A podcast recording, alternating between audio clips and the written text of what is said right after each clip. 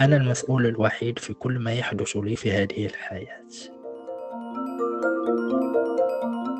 إما أن تكون الصياد أو أن تكون السمكة.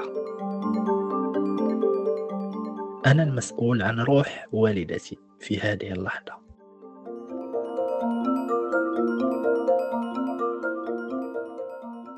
استمعتم إلى صوت يوسف شريبة model و fashion blogger من المغرب.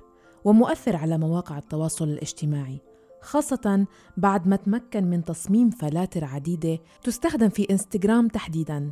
كان أبرزها فلاتر الكمامات وتحدثت عن هالتصميم منصات إعلامية محلية وعالمية عديدة وبارزة منها مجلة فوربس هنا كانت نقطة. هذه النقطة هي التي سوف تحدد إما سوف أكمل أو سوف أقف عند هذه الدوامة. لماذا توجه يوسف إلى عالم الموضة وال social media؟ ما أهمية هذه التصميمات والفلاتر؟ وتفاصيل أخرى عن حياته يخبرنا عنها في بودكاست صارت معي والبداية من الطفولة في الطفولة لم تكن عندي ميولات معينة ما الذي سوف يحدث في المستقبل لأنني لا أعلم ما الذي سوف يحدث لكن كنت أشعر بالفعل بأنني أقوم بأشياء وهذه الأشياء البسيطة آخذ مقابلها طاقة هذه الطاقة من العائلة. مثلا أقوم برسم لوحة أقوم برسم أشياء أعطي إلى والدي حتى يشوف ويقيم هذا الرسم فيعطيني نتيجة معينة. فهذه النتيجة كانت عبارة عن رقم مثلا رقم عشرة. فهذا الرقم كان أنذاك يعني لي شيء كثير.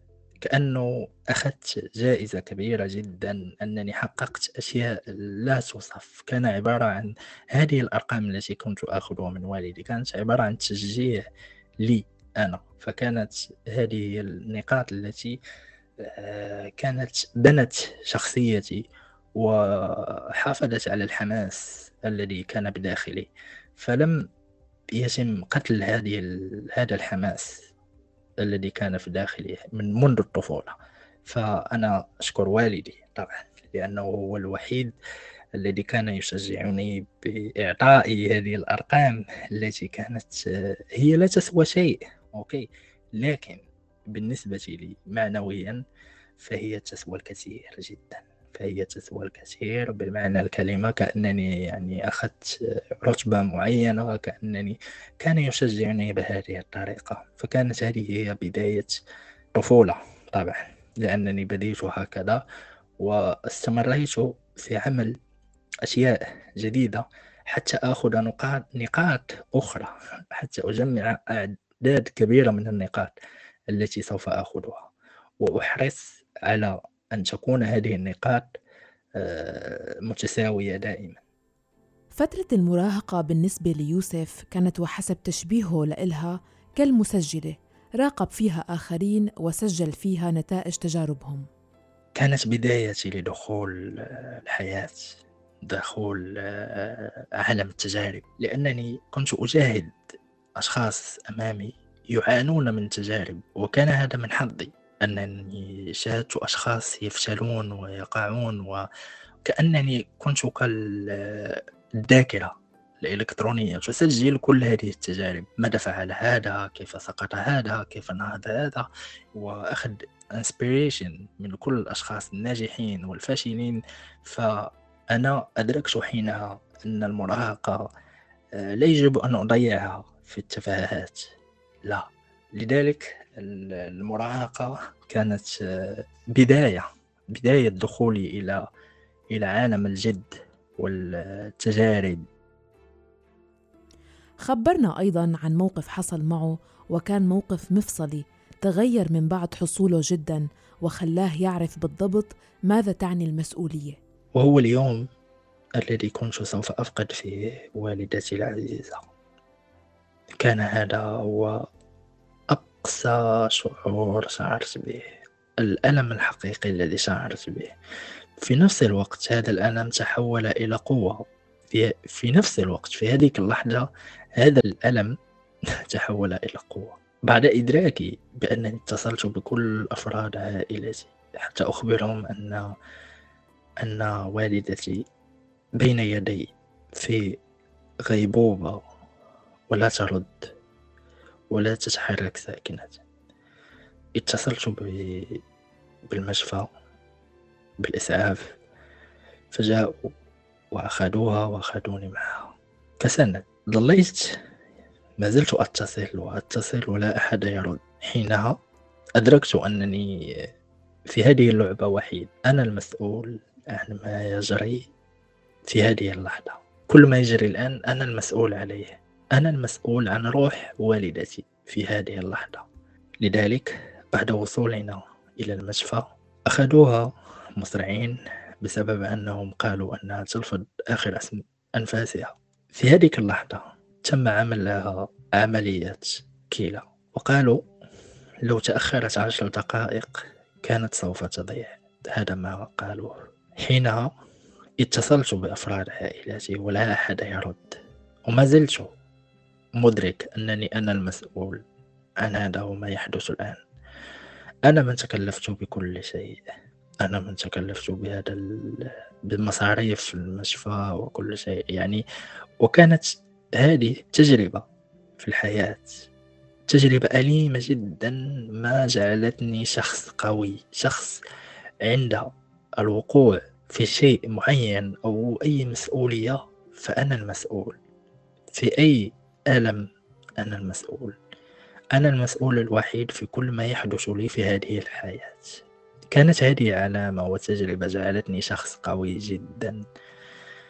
وما زلت إلى الآن أتذكر وأنا أحتضنه بين يدي عندما قالت لي أختك أمانة عندك. هذه اللحظات التي كانت كانت أشياء التي غيرت حياتي وجعلتني أكثر شخص مسؤول. عند اتخاذ القرارات فلن أنساها أبدا. قبل دخوله إلى عالم الأزياء وال social media مر يوسف بمرحلة من الاكتئاب تزامنت مع عمله في البورصة. هنا كانت نقطة. هذه النقطة هي التي سوف تحدد إما سوف أكمل أو سوف أقف عند هذه الدوامة. ما حدث هو أنني دخلت في مرحلة اكتئاب. مرحلة فشل قوي جدا. لدرجة أنني أصبحت مؤمن بأن كل شيء يحدث معي ما هو إلا عين وحسد وكذا. ربطت هذه الأشياء بالعين والحسد وكل المعتقدات التي آه، كمبرر. ضليت في هذه الدوامة دوامة الحسد والعين وكل شيء يجري في حياتي أربطه بهذه المعتقدات العين والحسد وكذا. و... لكن في بعض المرات حدثت بعض الصدف في حياتي أنني آه، رأيت أشخاص تأثرت بأشخاص أخذت منهم انسبيريشن آه، حتى أرى ما الذي يحدث؟ ما هذا الاختلاف؟ ما هذه الدوامة التي أنا فيها؟ حتى أصنع الفرق ما بين الماضي والحاضر. فربطت الموضوع الموضوع هذا موضوع الفشل والعين والحسد ربطته بالنجاح. كل خطوة أتعثر فيها وأسقط فيها إلا وأنها جزء من النجاح. ليس هناك نجاح بدون فشل. لذلك فأنا وصلت إلى هذه المرحلة التي فيها أخذت الموضوع بجدية. يعني كل ما سيحدث معي فهو جزء من هذه اللعبة. لعبة النجاح لعبة الكفاح. فأخذت هذا الموضوع بهذا الصدق. فاستمريت في الحياة بهذه الطريقة. حتى أنني اكتشفت أن ابتعدت عن دوامة العين والحسد فهذه الدوامة لو مسكتك فلن تخرج منها أبدا.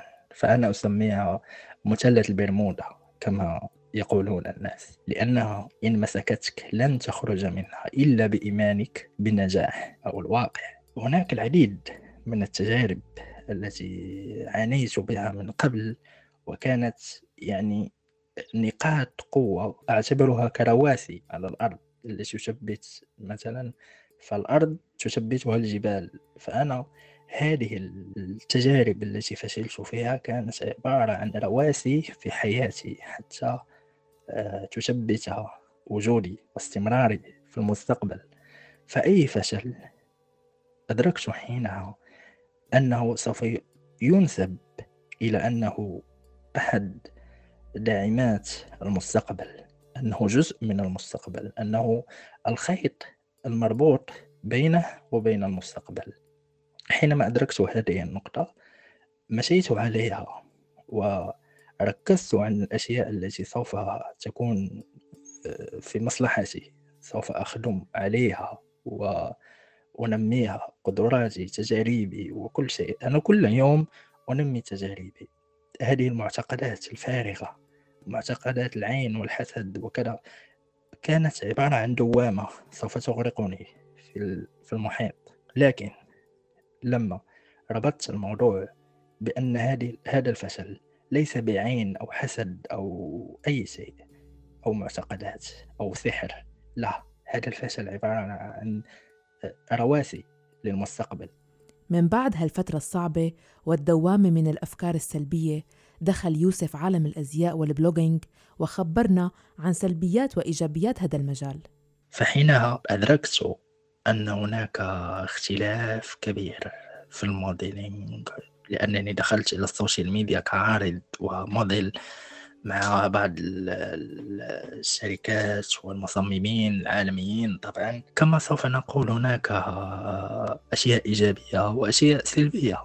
الأشياء الإيجابية هو أنك سوف تمرح وأنت تقوم بهذه الأشياء التي تحبها كونك آه، model fashion blogger أو أي شيء هكذا. وتعطي للناس يعني آه، كأنك أنت المرآة الخاصة بهم. يعني أنت تعطيهم الاختيارات. يختاروا كذا وكذا الألوان متناسقة كيف؟ يعني أنت مرآة هؤلاء الأشخاص. أنت مؤثر. تؤثر عليهم بهذه الطريقة. وتوصل لهم الأفكار التي يبحثون عنها. طيب الجانب السلبي هو هناك تنمر بالفعل. هذا التنمر يمكن أن نسميه بنفاق. هناك نفاق. مثلا آه، سوف تجد شخص يدخل عند فتاة أجنبية آه، عارضة أزياء أو كذا سوف يضع لها تعليقات. واو وكذا وإيجابية وقلوب و... وإلى آخره. لكن إذا وجد فتاة عربية أو شخص شاب عربي يرتدي نفس الموديل ويظهر به نفس الشخص الذي قام بالتعليق إيجابي للفتاة الأجنبية سوف يقوم بتعليق مسيء إلى الشخص العربي أو البنت العربية ما هو الفرق؟ ما هو الاختلاف؟ ما الذي يحدث؟ هل هي غيرة أم أنه تقليل أنت لست مثلهم أنت كذا.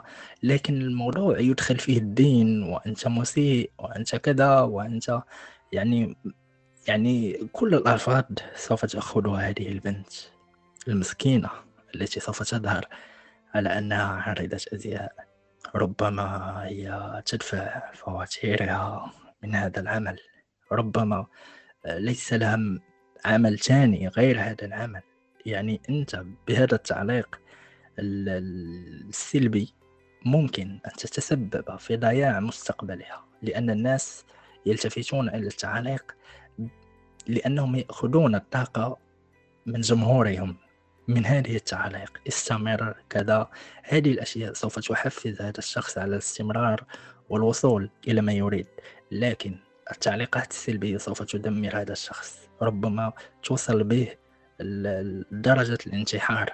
ربما هذه الأشياء سوف تفقده الأمل لكن علينا أن نتعامل بعقلانية أن نضع النقاط على الحروف هذا الشخص لماذا قام بتعليق إيجابي على فتاة أجنبية بينما الفتاة العربية أو الشاب العربي قام بوضع له تعليق منحط وسلبي ومسيء لماذا؟ ما هو السبب؟ يجب علينا أن ندرس ونرى مصدر هذه الكراهية. هل هذا حسد أم كراهية؟ أم هو نفاق اجتماعي؟ ولماذا هو مربوط بالدين؟ لماذا العمل يربط بالدين؟ العمل يستقل عن الدين بالنسبة إليه. فالعمل ربما نقول أن العمل عبادة أوكي؟ لكن في بعض الأعمال هذه الأعمال ليست مسيئة. مثلا أنها لا تؤذي لا تقوم بأشياء لا تبيع أشياء محرمة لا يعني هذه الأشياء لا تمس بالدين بشيء ولا تمس بالمجتمع بشيء. أول شيء أنا أريد مثلا أن أقوم بأشياء لا تمس بالمجتمع ولا تمس بالدين. وأنا أحترم المجتمع وأحترم الديانات وأحترم كل المعتقدات لأن هذه الأشياء لا يجب أن نسكت عليها. كما أن هناك شرطة محاربة التحرش فيجب وضع قانون لمحاربة التعاليق المسيئة.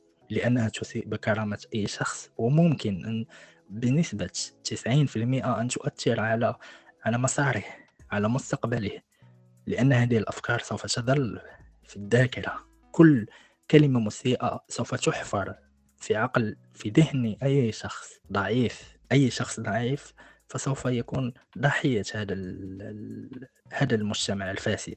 لا أقصد المجتمع ككل لكن هناك بعض الأفراد في هذا المجتمع فاسدين لا يريدون الخير إلى أخواتهم أخواتهم إلى أصحابهم أبناء وطنهم لماذا؟ هذا هو السؤال الذي نريد أن نطرحه مع الوقت وبحكم عمله في مجال الأزياء صار عالم ال social media جزء لا يتجزأ من سبل وصوله وتطوره فتوغل به العالم بكل حماس. ال social media أجمل شيء حدث في حياتي. أجمل شيء تعرفت عليه واكتشفته في حياتي. كان آه، في البداية عبارة عن آه، فضول فضول في في ال social media. لكن هذا الفضول سرعان ما تحول إلى مغامرة مغامرة كبيرة جدا وسبحت في أعماق بحارها لأن هناك بحار في هذا العالم وليس بحر واحد. هناك تحديث كل يوم هناك جديد كل يوم. لذلك أنا أسميها بحار عميقة. فال social media البارحة ليست كاليوم. آه، مثلا الإنستغرام البارحة كان يطلب منك أن تضع إيميل كجزء من الحماية. فهناك تحديث اليوم يطلب منك أن تضع رقم هاتفك كجزء من الحماية. فغدا لا نعلم ماذا سيطلب منك كجزء من الحماية؟ لذلك عليك أن تتبع هذه الأشياء هذه التحديثات لأن ال social media بحر كبير وليس فقط عمل post وعمل like وعمل كذا وعمل story وعمل. لا ال social media ليس كذلك. ال social media يجب عليك أن تدرس هذا الموضوع أن تبحر في أعماق بحار هذا الموضوع. فمثلا أنت كمستخدم لل social media فعليك يتوجب عليك أن تدرك هذه الموقع هذه المواضيع. فأنت إما أن تكون الصياد أو أن تكون السمكة. فهناك العديد من الأشخاص في ال social media يتعرضون إلى سرقة حساباتهم مثلا.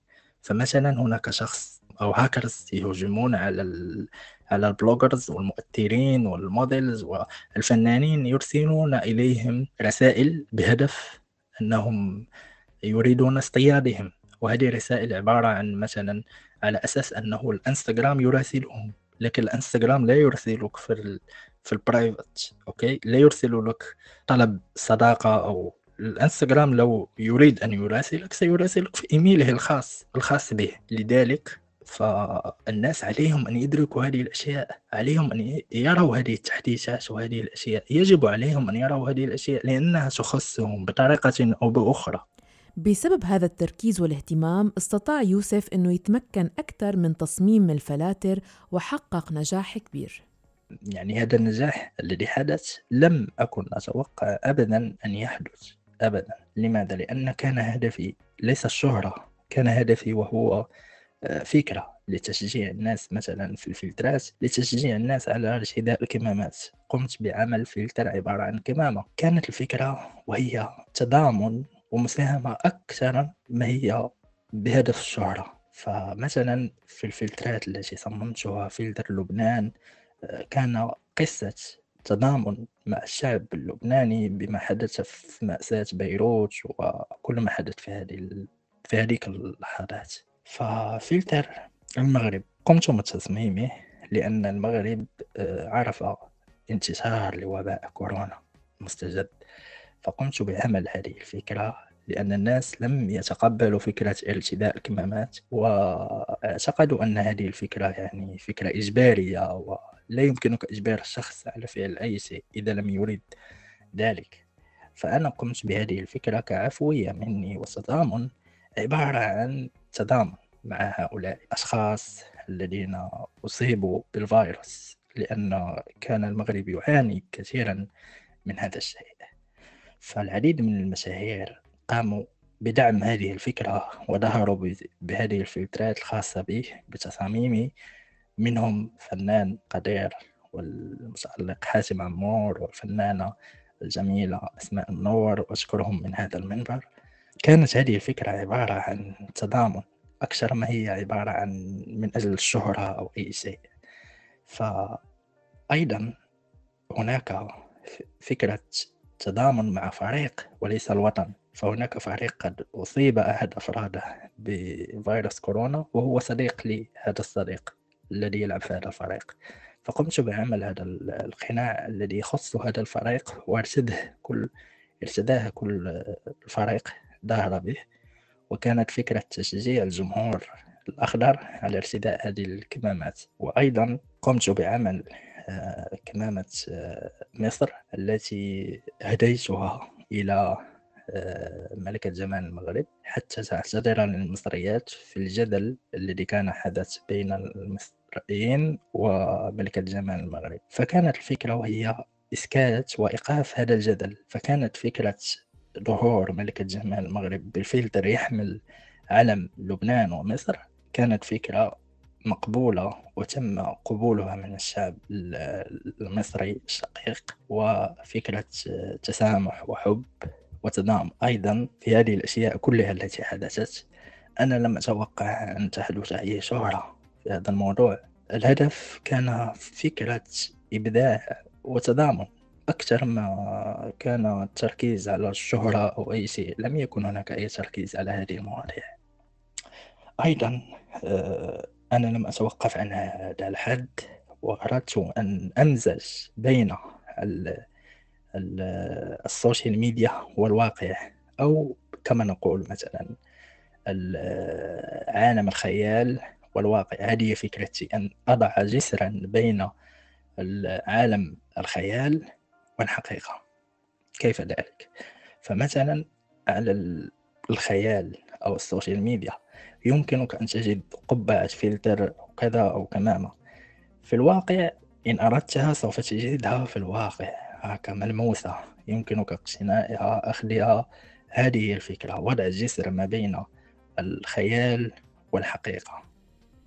للمهتمين والراغبين بخوض هذه التجربة يوسف خبرنا بعض النصائح. هذا هذا المجال ليس صعب. أي شخص يمكنه الدخول. يجب عليك فقط أن تجمع هذه التجارب.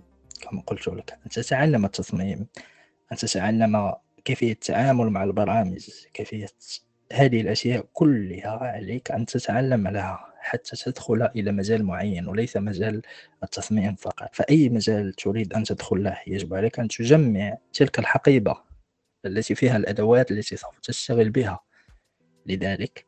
فأنا أقول لك أن هذا المجال وأي مجال متاح لك لتدخل له حسب رغبتك ميولك ماذا تريد؟ هل أنت بالفعل تريد أن تدخل إلى مجال التصميم بالفعل؟ هل أنت بالفعل تريد هذا المجال؟ لأن هناك القصص التي حدثت معي من قبل هو أنني كنت فقط أرى أشخاص يدخلون إلى مجال التسويق سوف أدخل أيضا إلى مجال التسويق.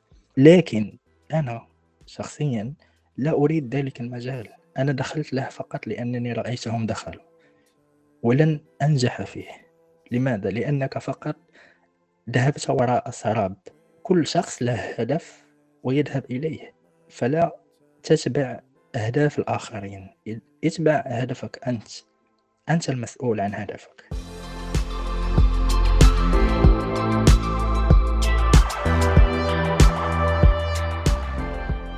هذه كانت تجربة يوسف. أنتم أيضا. يمكنكم أن تكونوا ضيوفنا في الحلقات القادمة وتشاركونا تجارب ومواقف حصلت لكم أثرت بكم وغيرت طريقة تفكيركم. راسلوني عبر الواتساب 00971 568 531 592 واسمعونا دايما من خلال موقعنا الآن دوت اف إم أو تطبيقات بودكاست في هواتفكم. بالإعداد والتقديم كنت معكم أنا مها فطوم. إلى اللقاء.